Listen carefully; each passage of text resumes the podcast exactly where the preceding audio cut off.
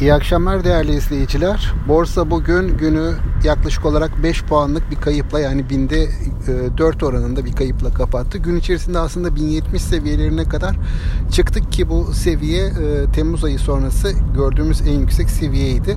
Kapanışa doğru gelen satışlarda bankacılık sektörü özellikle dikkat çekti. Bankacılık sektöründe %0.7 civarında bir kayıp vardı son dakikalarda.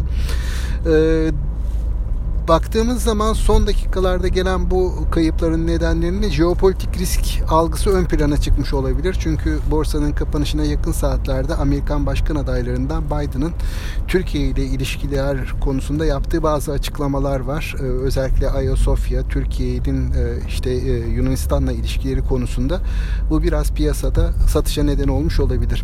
Ancak yurt dışı tarafa baktığımızda Amerika'da henüz e, bir satış emaresi yok. Amerika tarafında bugün endeksler Trump'ın da hastaneden çıkmasıyla e, hafif artıda başladılar güne e, ve teknoloji hisseleri dışında genelde de kazançlarını koruyorlar. Değerlendirmemiz yarına dönük olarak genelde piyasanın iyi yurt dışına paralel hareket edeceği ve jeopolitik risklerin izleneceği yönünde.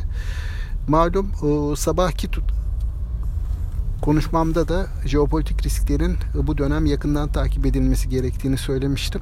Bugün e, piyasa her açıdan uygun olmasına rağmen hani CDS seviyeleri de bugün ilk defa olarak uzunca bir sürenin ardından 500 bas puanın altını kısa bir süre test etti.